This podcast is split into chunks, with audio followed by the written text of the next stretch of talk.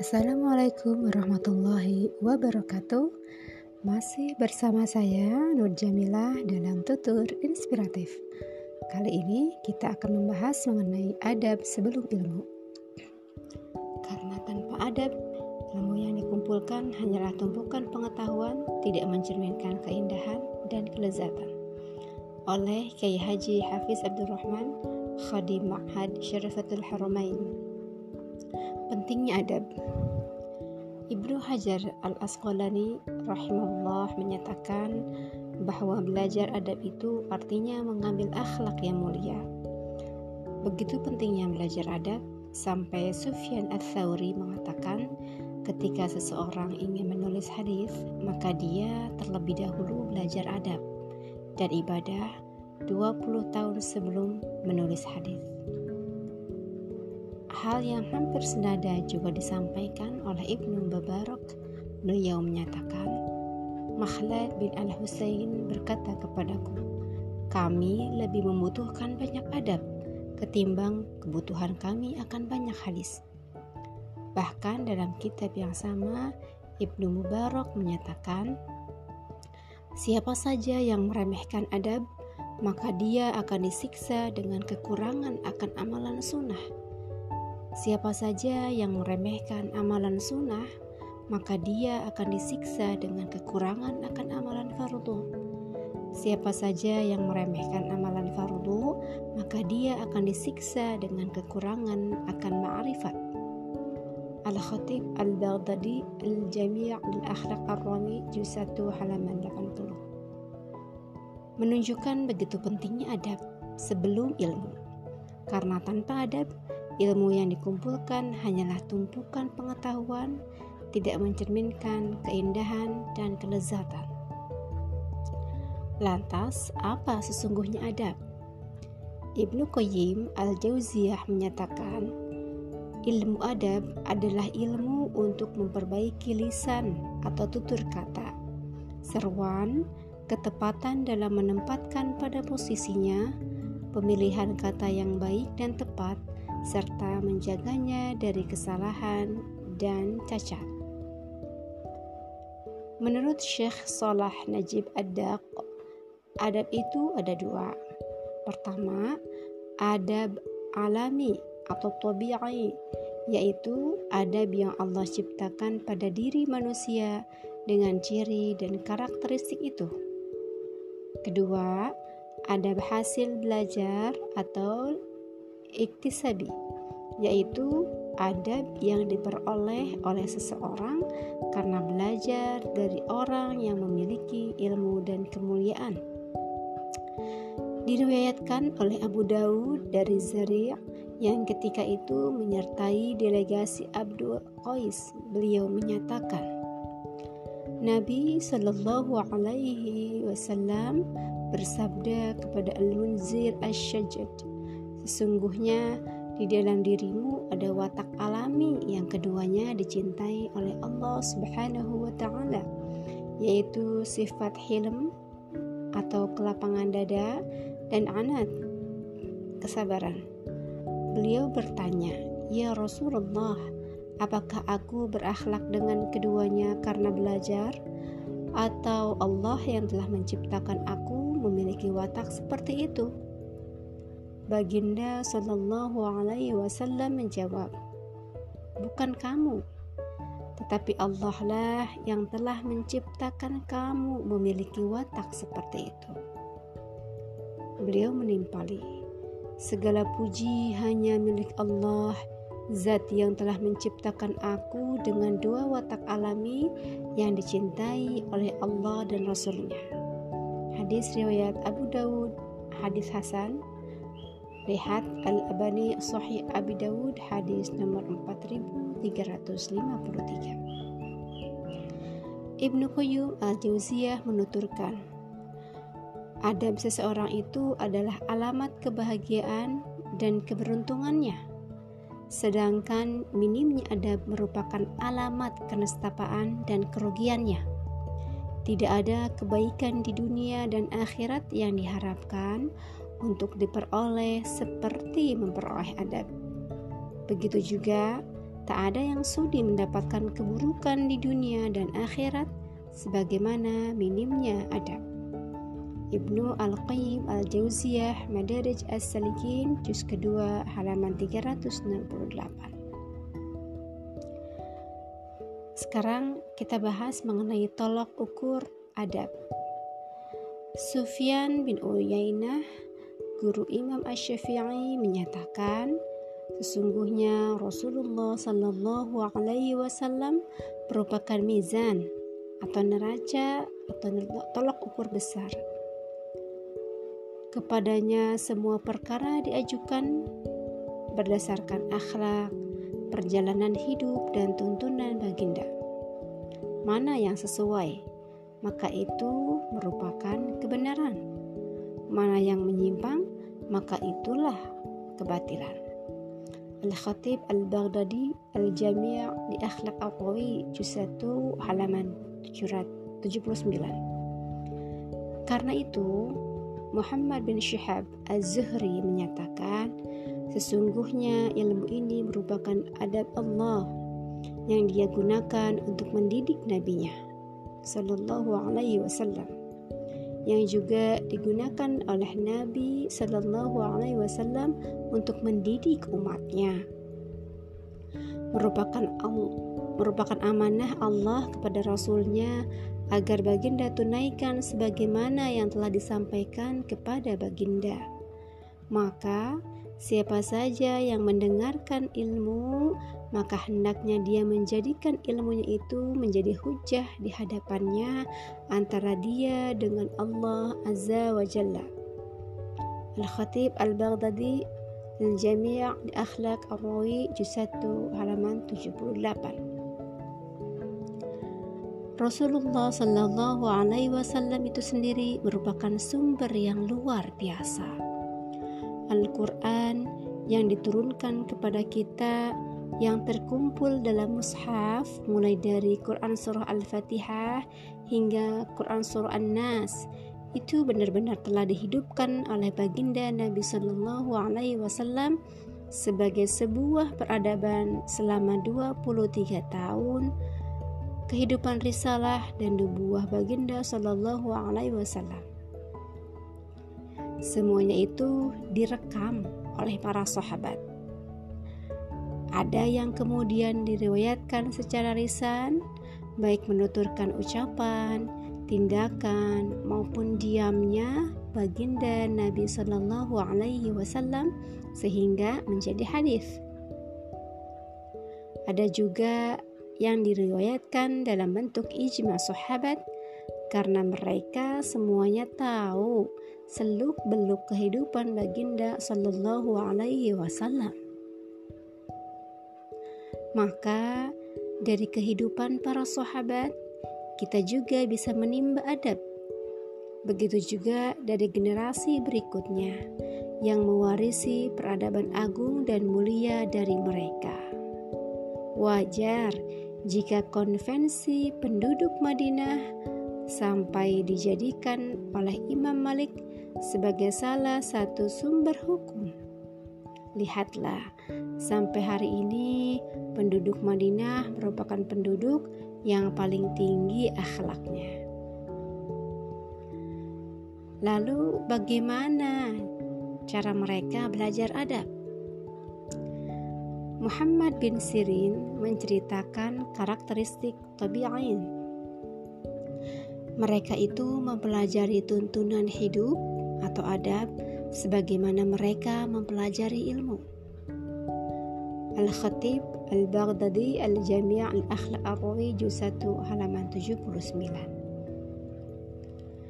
Imam Malik bin Anas pernah menyatakan kepada seorang pemuda Quraisy, Wahai putra saudaraku, pelajarilah adab sebelum kamu belajar ilmu.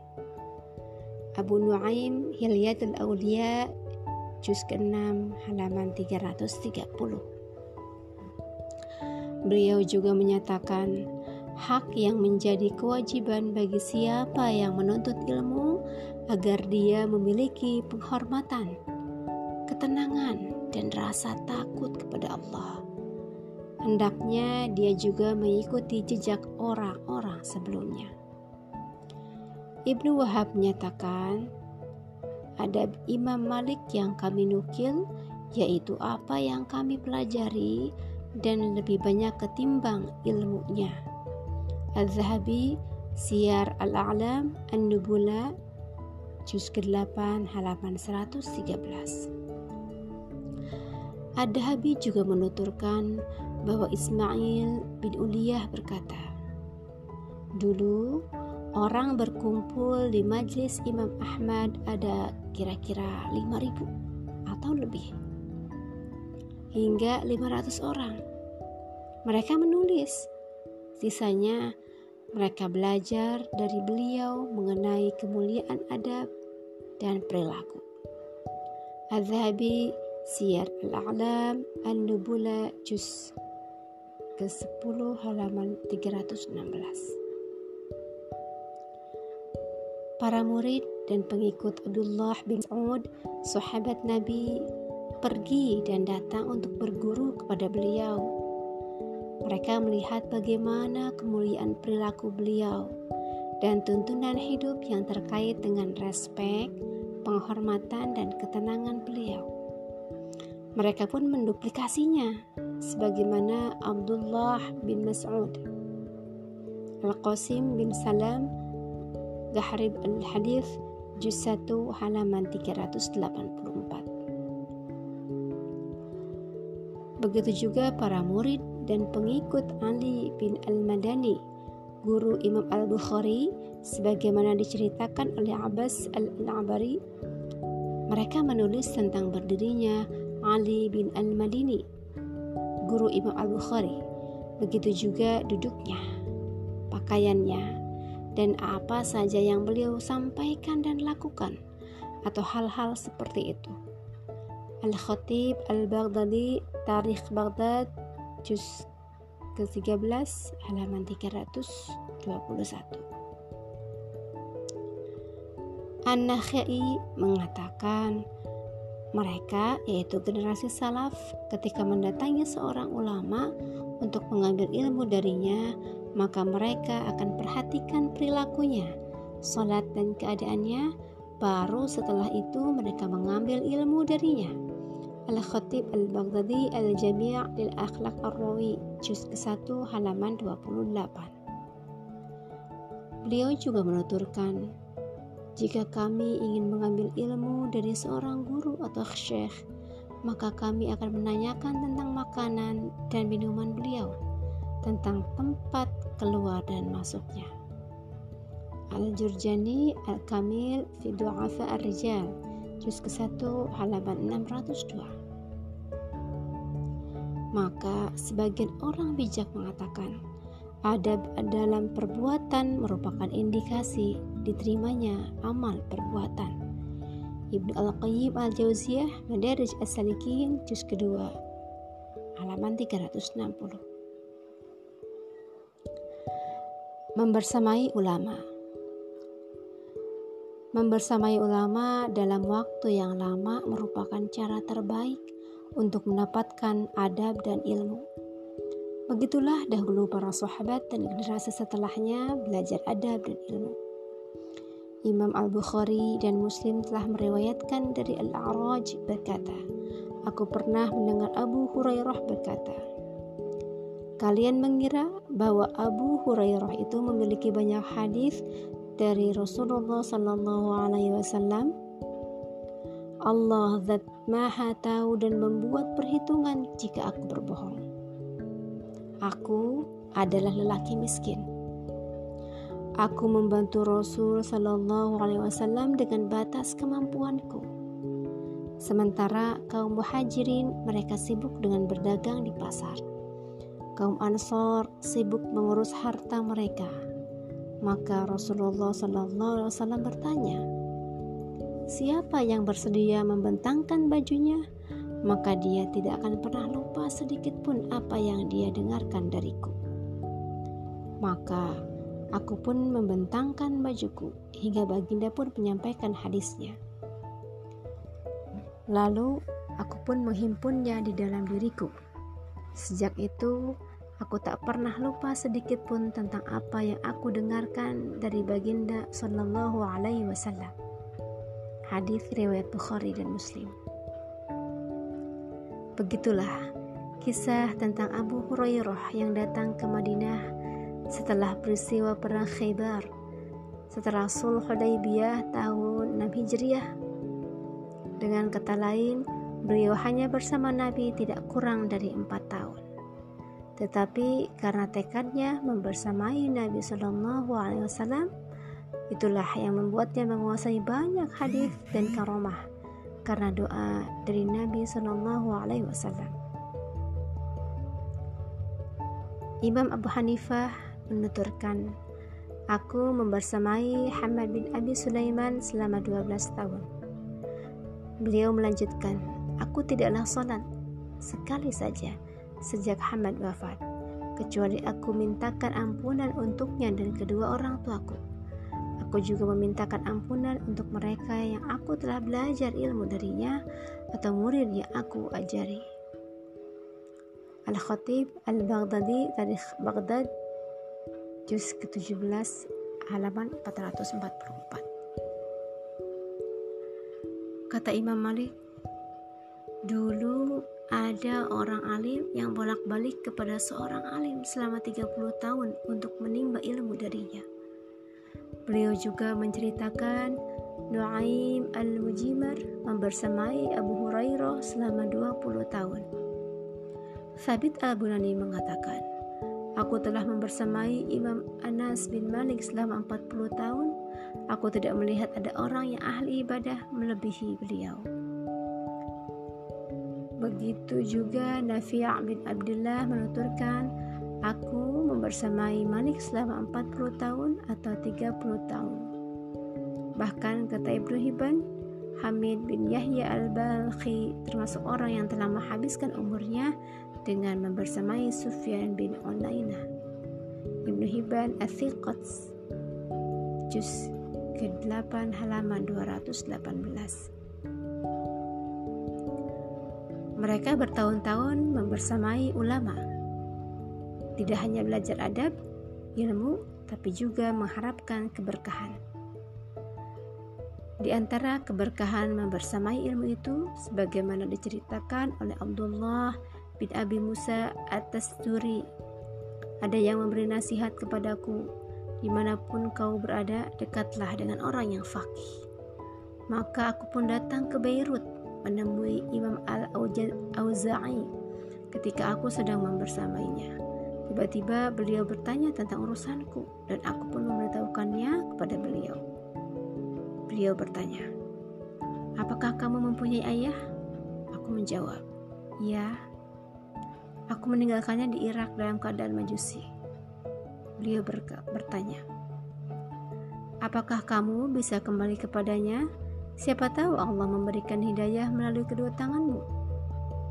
Aku bertanya, Apakah Anda menyarankan itu kepadaku? Beliau menjawab, "Ya." Maka aku pun mendatangi ayahku. Aku mendapatinya sedang sakit. Beliau berkata kepadaku, Wahai putraku, apa yang menjadi keyakinanmu? Maka aku pun menceritakan kepada beliau bahwa aku telah memeluk Islam. Beliau bertanya kepadaku, "Coba jelaskan agamamu, agamamu itu kepadaku."